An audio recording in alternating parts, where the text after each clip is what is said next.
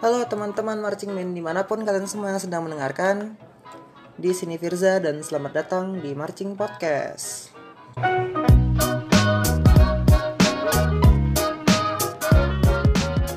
Oke jadi hari ini aku sendirian ya. Aku mau cuap-cuap sendiri aja. Eh berarti kalau cuap-cuap sendirian gini nih aku sebutnya ini aja ya. Uh, Marching info aja ya. Soalnya kayaknya aku daripada ngobrol ini lebih ke aku mau membagikan suatu info deh. Nah, jadi gini. Beberapa minggu yang lalu, sebulan yang lalu sih kayaknya lebih tepatnya nih. Aku tuh mau bikin artikel berita gitu tentang marching band. Terus aku mikir uh, topik apa yang kira-kira menarik ya dan orang-orang marching band itu tuh dia tertarik untuk baca gitu kan. Nah, aku kepikiran lah topik tentang asal mula nama-nama section di MB gitu. Dan aku udah riset, udah cari tahu, gunain Google Translate gitu kan. Artinya nama section ini apa, asal mulanya di mana dan udah udah riset, udah jadi artikelnya. Ternyata tidak jadi terbit, gak diterbitin artikelku gitu kan. Terus ya udah. Cuma kemarin tuh aku mikir ini sayang banget gak sih kalau nggak dibagi-bagikan ya akhirnya aku kepikiran yaudahlah ini jadikan sebuah episode podcast aja kali aku cuap-cuap sendiri aja ngobrol sendiri aja buat bagiin info ini ke teman-teman karena sumpah ini sayang banget kalau nggak dibagiin serius. Jadi di episode kali ini aku mau membagikan info yang sudah aku dapat dari hasil risetku di internet tentang asal mula nama section gitu. Langsung aja lah. Sebelum kita mulai ke nama-nama section supaya nyambung ini sama penjelasan asal mula nama section ini nih aku mau jelasin dulu sejarahnya marching band dulu gitu. Jadi marching band itu kan dulu dia uh, eksklusif di kalangan militer doang di tentara-tentara doang gitu. Kalau kalian cari di Google atau di YouTube nama marching band tertua di dunia tuh namanya Mehter asal Turki. Sekarang dia jadi marching band militer Turki. Mehter itu tuh munculnya pas zaman uh, kerajaan Ottoman kalau nggak salah ya. Abadnya itu juga aku lupa abad ke-8 apa abad ke-9 gitu. Aku juga sempat riset tentang Mehter ini. Intinya dia salah satu band bukan salah satu marching band tertua di dunia gitu. Dan itu menjadi cikal bakalnya orkestra dan cikal bakalnya marching band sekarang. Nah marching band itu juga dulu uh, di militer doang di zaman zamannya perang dunia satu apa perang dunia dua gitu loh. Nah marching band itu tuh dia khusus penampilannya gini. Kalau ada orang dengan jabatan penting jabatan tinggi gitu dia mau ke turun gitu ke jalan mau menyapa rakyatnya gitu pasti ada marching band dulu di depan kendaraannya si orang penting ini. Supaya orang-orang warga biasa itu tuh keluar dari rumahnya kemudian dia nonton dulu si marching band barulah dia melihat ada orang penting ini gitu loh ya. Jadi kayak pawai orang penting gitulah warga biasa keluar dia tertarik melihat marching band barulah dia melihat si orang penting ini. Jadi tuh marching band tuh fungsinya di situ waktu itu kayak gitu. Dari situ sejarahnya marching band nah kalau artinya marching band sendiri kan dia namanya band yang berjalan kalau diartikan secara istilah ya. Cuman kenapa kok nggak walking band aja? Karena marching itu ternyata lebih ditujukan ke berjalannya teratur. Kalau walking band itu tuh ya band berjalan tapi berjalannya tuh sembarangan gitu loh. Kalau marching band marching itu tuh dia berjalan yang teratur gitu loh. Makanya marching band. Karena ya sesuai sama sejarah militer tadi itu berjalannya biasanya teratur gitu kan. Kayak gitu. Nah kita langsung ke nama-nama sectionnya. Mulai dari battery dulu ya kan karena aku pribadi sectionnya battery soalnya. Jadi waktu aku dulu masuk battery itu aku sempat penasaran kenapa baterai? Gitu kan ya. Pasti banyak juga yang penasaran kenapa baterai? Jadi itu ternyata begini. Kalau kalian tulis di Google Translate battery ya dia selain dari baterai ternyata ada arti memukul berkali-kali kalau huruf Y di belakangnya dihilangkan, better doang, dia artinya menjadi pemukul berkali-kali. Cocok kan sama anak battery kan dia mainnya mukulnya berkali-kali gitu. Nah, akhirnya aku coba cari tahu lebih jauh. Ternyata, kalau kalian tahu olahraga baseball, tongkat pemukul baseball itu ternyata disebut bat, bukan bat kelelawar ya. Bat itu artinya pemukul gitu ternyata. Tongkat pemukul baseball itu tuh disebutnya bat. Kalau nggak salah, pingpong juga dia bukan raket ya disebutnya. Dia pemukul itu disebutnya bat juga kalau nggak salah gitu. jadi kalau misalkan jadi bat itu pemukul batter itu pemukul berkali-kali ditambahin y di belakangnya artinya memukul berkali-kali. Jadi disebutlah battery karena dia adalah pemain yang memukulnya berkali-kali gitu. Cuma emang pada zaman dulu tuh ya antara battery atau drums gitu disebutnya. Dan akhirnya disepakati section battery daripada section drums dulu itu katanya karena ya semakin modern tuh drum-drumnya marching band itu tuh kan dia berbeda sama drum-drum biasa. Dan katanya drum-drum marching band itu tuh sekilas bentuknya terlihat seperti bentuk baterai jadilah disebut battery kayak gitu katanya. Lanjut pit instrumen. Jadi aku dulu pernah tanya kenapa namanya pit instrumen gitu kan? Terus sempat ada jawaban gitu aku lupa dari siapa kayaknya dari pelatih pit mana gitu. Dia bilang oh itu diambil dari kata pitch instrumen tapi C sama H nya tuh dihilangin biar enak aja di lidah gitu kan. Terus aku antara percaya nggak percaya gitu kan. Kayak gimana ya?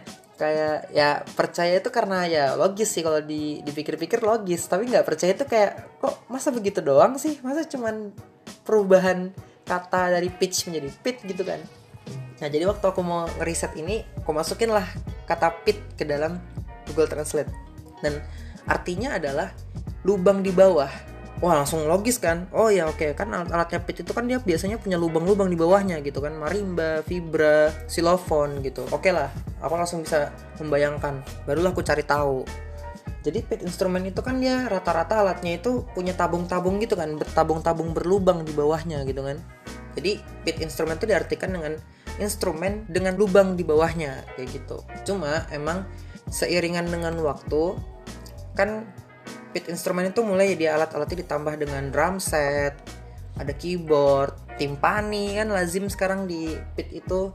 Terus ada aksesoris macam triangle dan kawan-kawan yang kecil-kecil itu ada gong juga. Nah, jadilah sekarang lebih lazim disebut front ensemble karena tanpa brass tanpa battery pun kalau dimainkan sendiri di depan ini dia membentuk ensemble sendiri.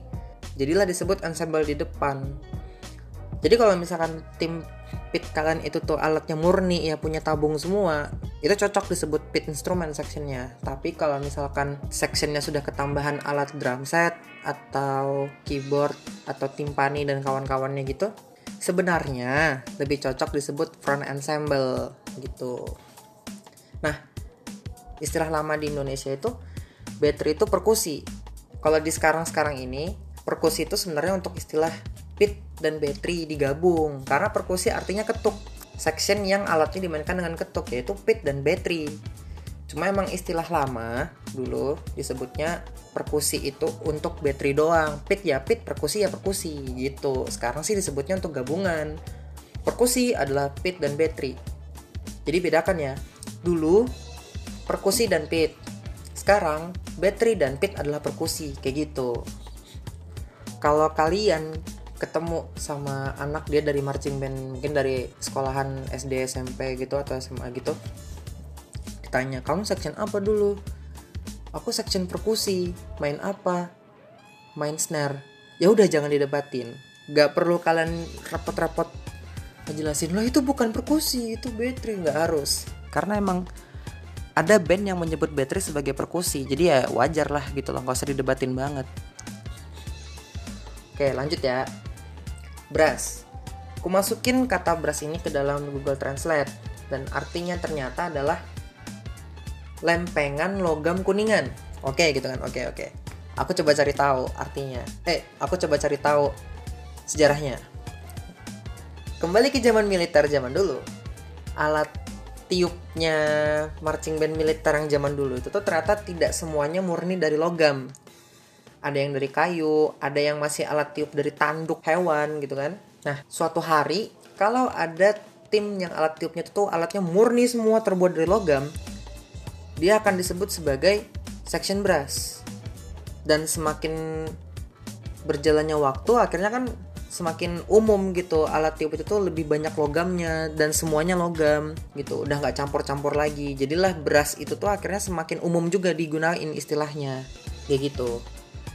Jadi kalau misalkan tim marching band kalian itu alat tiupnya itu terbuat dari logam semuanya itu bisa dibilang beras. Karena merujuk ke arti logam itu. Tapi sebenarnya sih kalau misalkan tim alat tiup kalian tuh nggak semuanya dari logam. Ya lebih cocok disebut horn line. Horn itu tuh artinya suara yang kencang. Horn itu kan artinya tanduk. Cuma akhirnya dihubungkan dengan musik karena ada alat tiup yang dibuat dari tanduk hewan zaman dulu. Jadinya horn itu juga disebut sebagai suara yang kencang. Makanya klakson disebut horn. Nah kalau misalkan section alat tiup kalian itu tuh nggak semuanya nggak murni semuanya dari logam lebih cocok disebut horn line. Tapi kalau semuanya dari logam itu cocok disebut brass. Kayak gitu. Kemudian ini adalah nama section yang dari dulu sampai sekarang aku tuh penasaran banget kenapa dia namanya ini. Color guard. Kayaknya nggak cuma aku deh yang penasaran. Kenapa penjaga warna? Iya kan? Karena dulu aku pernah bertanya ke salah satu pelatih CG gitu kan. Kenapa namanya color guard? Kenapa penjaga warna gitu? Terus jawabannya tuh gini.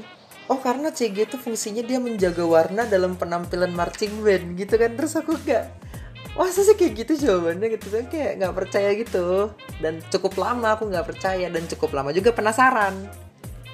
Akhirnya aku coba cari tahu uh, riset-riset kan cari tahu. Jadi ternyata itu berhubungan sama sejarahnya. Kembali ke zaman dulu, pas masih perang dunia mungkin ya. Uh, kalau ada warga biasa yang bertemu dengan tentara, tentara-tentara itu dia akan disebut sebagai guards gitu. Kan marching band itu kan dulu lazimnya di militer ya. Jadi ya mereka tetap menyebut tentara yang main di marching band itu ya disebut guards. Nah, Guards itu zaman dulu dia identik dengan membawa senjata yang warnanya kalau nggak hitam ya warna coklat, warna kayu atau nggak warna logam gitu kan pedang-pedangan dan kawan-kawannya. Cuma begitu mereka di penampilan marching band si guards-guards yang membawa bendera ini mereka tuh warna-warni gitu. Kan identiknya hitam atau enggak warna kayu warna senjata. Ini kok warna-warni mereka bawa bendera gitu kan.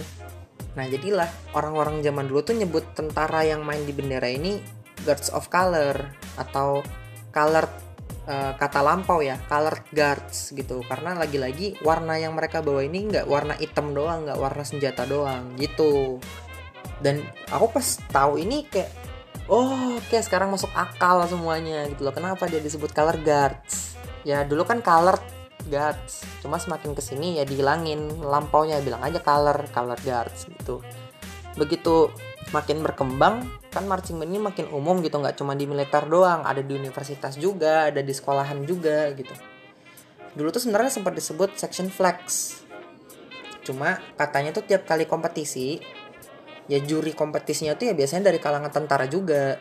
Dan si juri dari kalangan tentara ini tuh dia jarang mau nyebut flex. Ya biasa namanya orang tua juga kan ya jarang mau nyebut flex disebut aja color guards the guards the color guards gitu. Ya udah.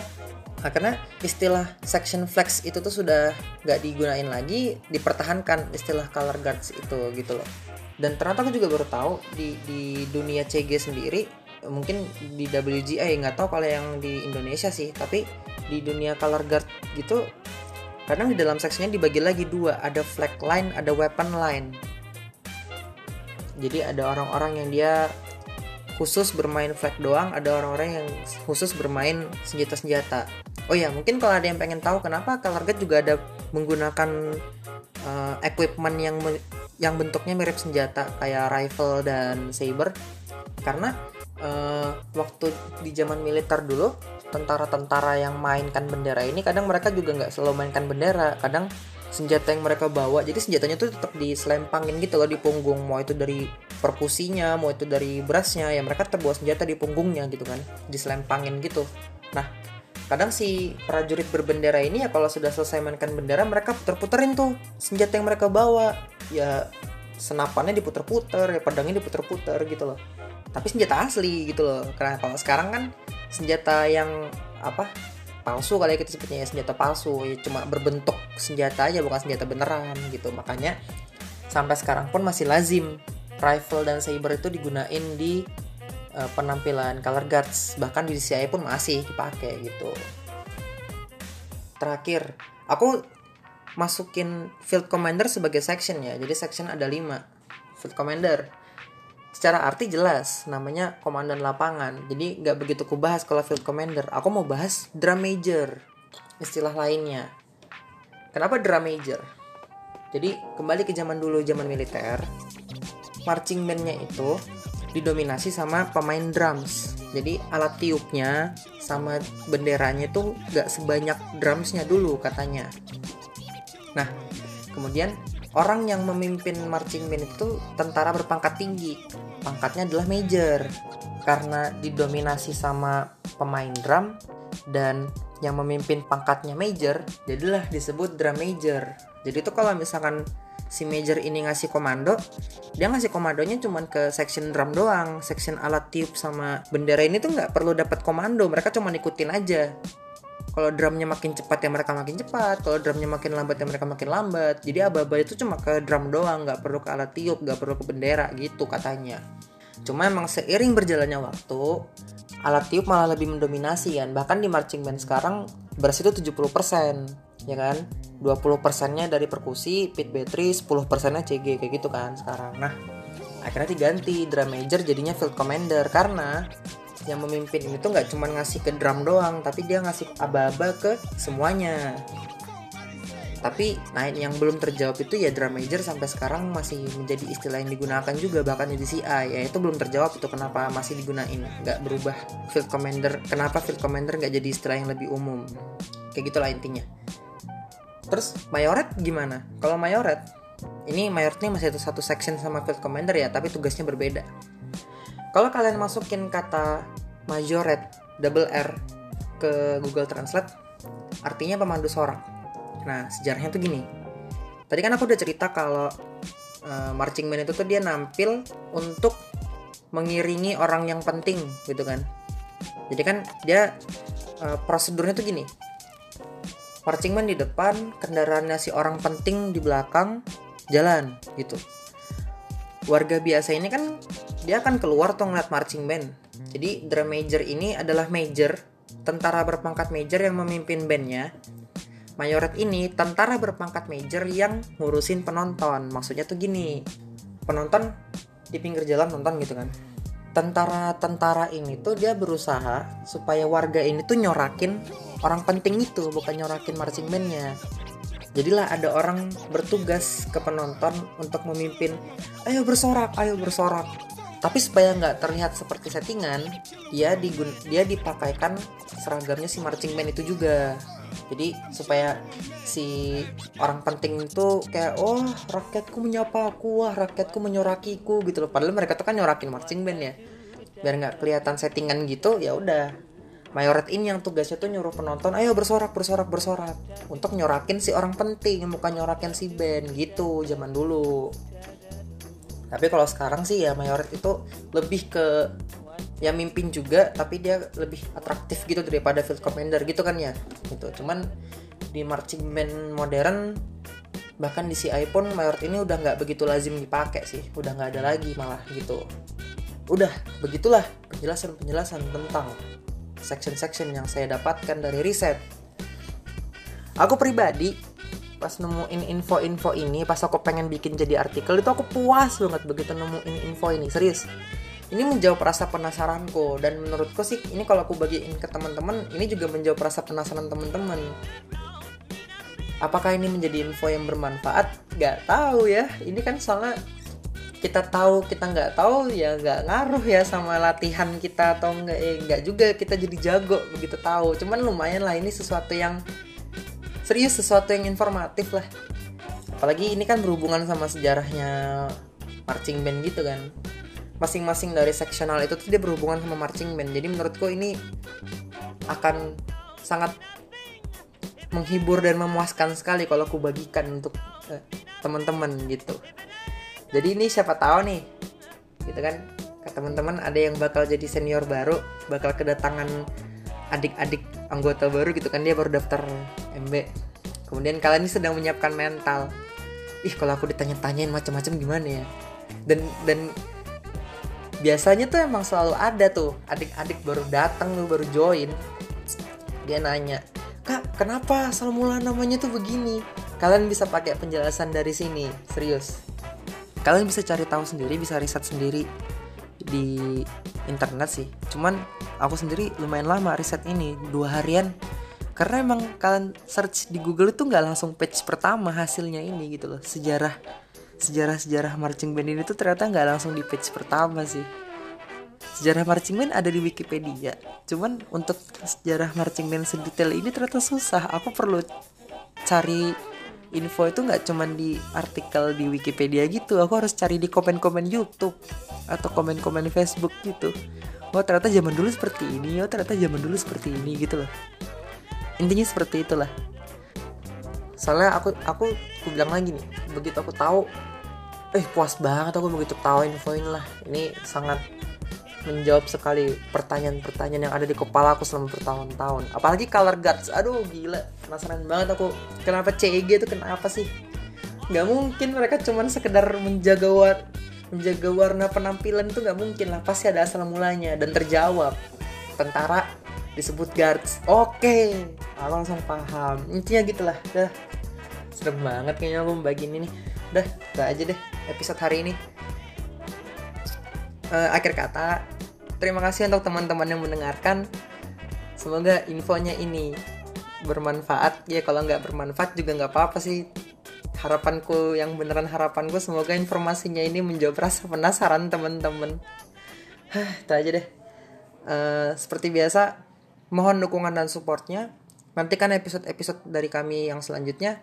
Oh iya, kayaknya tuh asik ya. Abis bahas-bahas asal mula nama section, kayaknya bakal ada topik tentang cerita berstruggle dalam latihan section deh. Iya, kayaknya seru ya topiknya itu ya. Oke lah, nanti kita coba jadiin topik deh.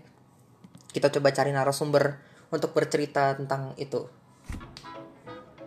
Lagi, nantikan episode-episode kami yang selanjutnya.